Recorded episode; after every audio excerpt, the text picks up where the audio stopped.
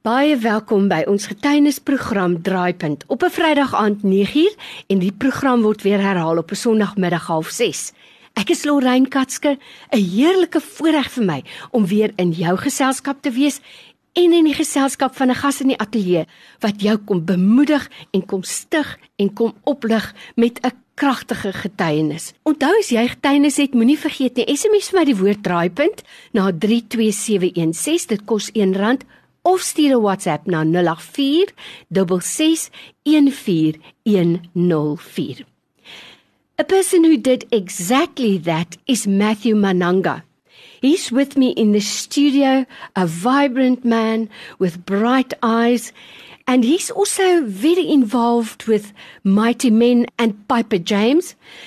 But he's here in the studio today to share a testimony that will really, I'm sure, touch you in the core of your heart.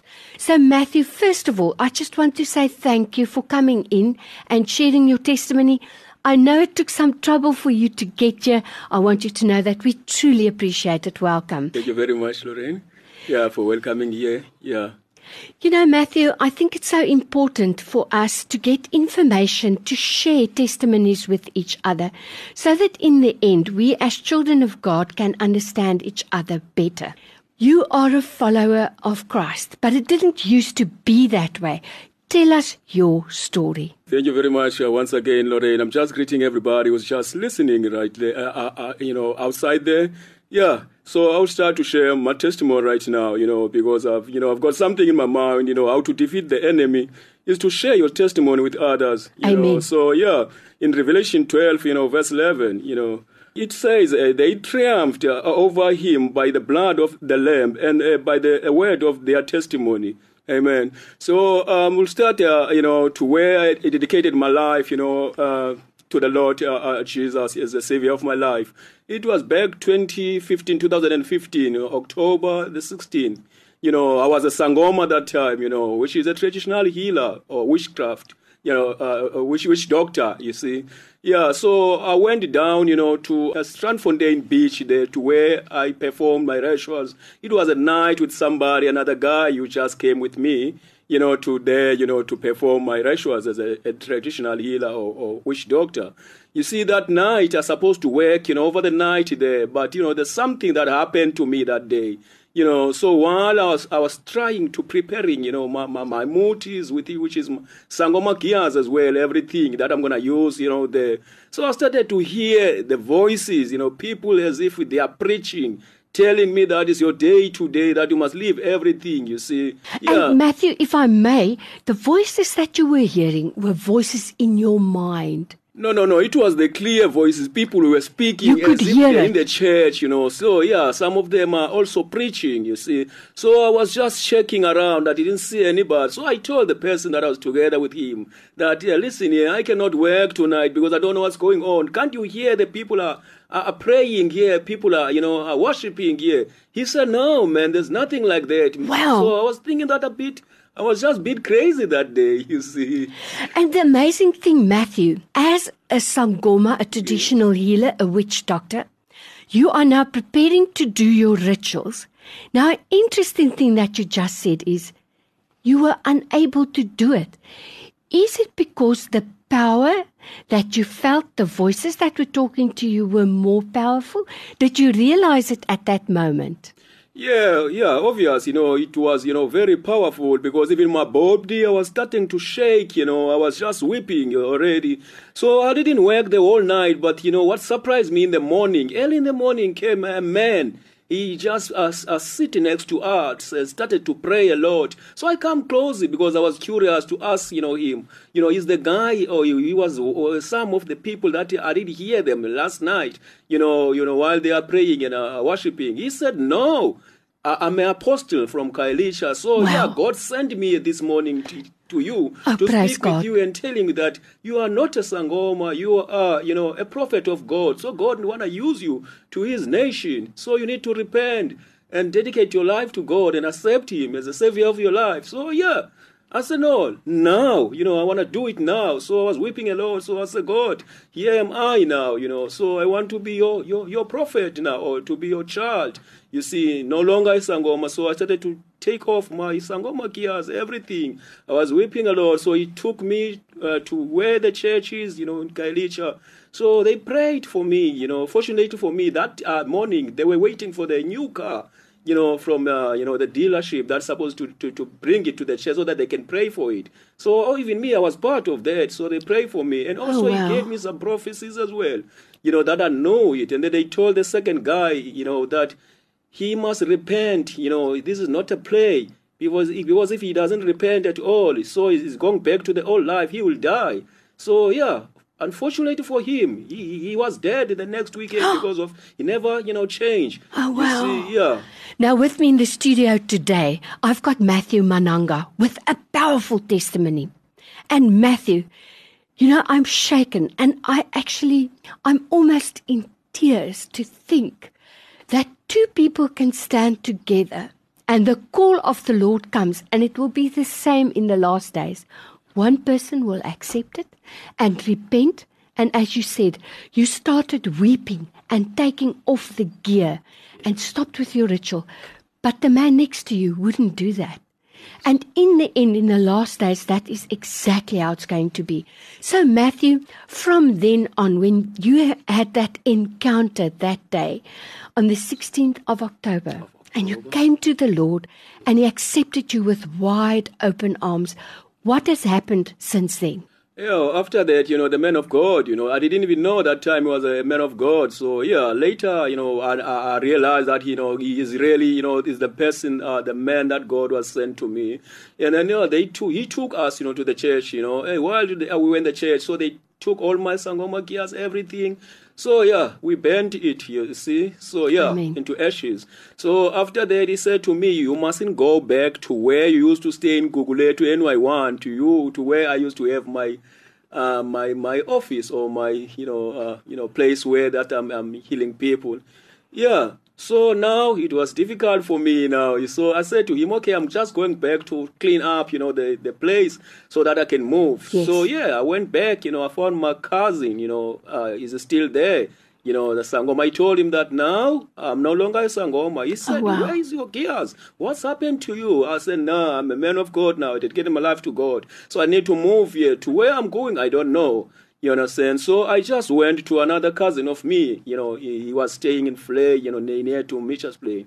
All of them, they say, Hey, seem that now you, you're a bit crazy now. How can you just you know, say you're no longer a Sangoma now. So what about a lot of people, they coming to you, even other Sangomas, you train them.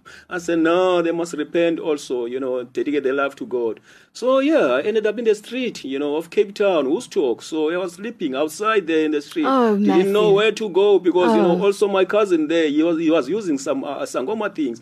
And also the man of God told me that if ever you can go back now, you know, your life will never, you know, it's going to be, you know, uh, you know, worse than before. Sure, and you can So, never yeah. return again. Yeah, Wow. so while I was in the street of Cape Town, I take a walk, you know, you know, at night, you know, uh, to Tableview. I never know anybody there in Tableview. So while I'm just sleeping in the parking, there was uh, crying a lot. I said, God, I took everything out, you know, so I even abandoned everything for me. Look at me now in the street. So yeah, while I'm just crying there, so there's an old man coming, you know, to me and ask me, "What are you doing? What are you doing here?" Because in my house, so yeah, it was a you know uh, Christian uh, house, which is uh, the man was uh, Cobus van Veek, you know. So he took me. He said, "We are going to Langebaan." So my wife has got a art gallery shop that side. So they took me there. When I get there, yeah, we started to pray. They prayed for me also. So yeah, the the, the wife for, for for him, which is my mom, you know, my spiritual Yeah, mom, sure. Juliana van Veek. Yeah, he started. She started to introduce me to Warren Horak from Johannesburg, where for uh, is for um, uh, Father's Heart, you know, International School of uh, Prophetic and uh, and Deliverance Ministry. So I went there, you know, with Warren. So I stayed together with Warren, and then I come back again, almost a month, you know. So we started to do gatherings, but after that we didn't just get to understand each other, me and my mom. So I decided to go back to where I was coming from, East London now. So yeah, I took a bus. I went to East London, but uh, you know, in my mind, I, I did have something. The words, you know, that the man of God told me that, you know, the one he, he found me in the sea, you know, that you need to go back home and started to make peace with your family and uh, don't hold grudges anymore for your family now because you're a man of God. So Sure. I went down there.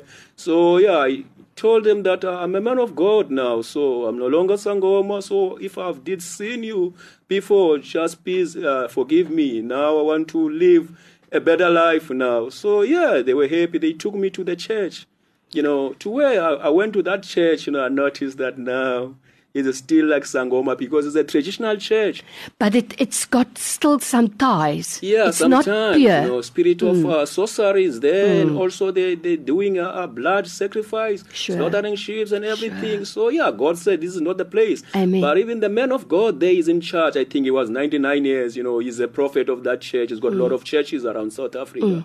You know, he wanted me to ordain as a prophet of the church, but God said, "Nah, this No. is not the right time." True. So, ah, God said you need to go back to Cape Town. But I was asking the Lord, why uh, my father to go to, to let me go back to Cape Town, but I don't have a place now because that place for me, I used to just you know uh, work as a sangoma there, so I don't want to go back there. So God said, go to Cape Town again. So yeah. I take I took the bus again. I went to Cape Town. When I get to Cape Town, no place to stay. I went to Oh, my cousin in Flame. My cousin said, "No, me, I'm still using these mutis. So if you wanna be with me, you need to be, you know, uh, using this thing because people now are asking for you because Mm. Sure. they wanna give you money. You you have money. Look at you now. You see, you've got nothing. So no, I just keep on walking. I left my cousin again. So another cousin, which is, you know, he was in Flame. So I left them. So I said, no, it's better for me to, yeah, to go back in, in, in Cape Town. You know, I went to Woodstock there. So in Woodstock, so yeah, I found my pastor uh, John Philemon. You know, you know, he's uh, he's, he's a pastor in the shelter. He's a he's a, he's a, he's the owner of the shelter, which is uh, the shelter's name is uh, Youth Solutions Africa. So he accepted me to stay there. After that, Oh, I started God. now.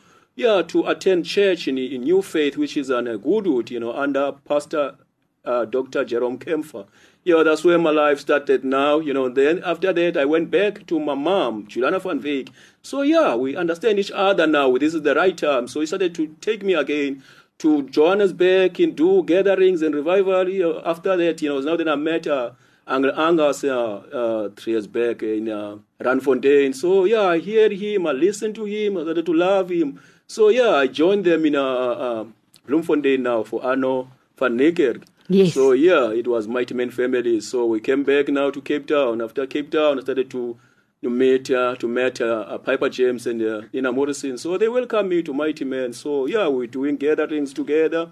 Yeah, What a wonderful story it is. And I today, I want to say, I'm so thankful to God that you were willing to pack up a comfortable life. And if God says move, you move. And if God says go there, you go. Thank you for being obedient to God and for sharing your powerful testimony to us today. And I really truly want to pray that God will bless you and that God will make straight your paths and that He will use you mightily still. So, Matthew, I'm going to ask you if there's a person listening today, and I just feel it in my spirit, who still wants to mingle light and darkness, I want you to do a prayer, please, so that we can understand that light and darkness cannot mingle. It's light or it's darkness. Will you do a prayer in closing, please? Okay, first of all, I'll start to give those people that are listening right now the verse, you know, from Acts uh, 3, verse 19. You know, it says, Repent, all of you, therefore, and be converted, that your sins may be blotted out when the times of refreshing shall come from the presence of the Lord. Amen. Yeah, amen. Let me pray the sinner's prayer right now. Uh, dear Heavenly Father, today I acknowledge that I am a sinner. Thank you for sending your Son to die for me and on the cross of Calvary. By faith, I ask you to forgive my sins and to come into my life. Because of Jesus Christ's death and resurrection, all of my sins are forgiven. Amen. And I am starting brand new life today. Amen. In Jesus' name, amen. Amen. Matthew, God bless you, my brother. And I'm going to ask our family, our faith family, who's your family also, to pray for you that God will use you mightily in His work. Thank you, Matthew. Thank you very much, ma'am.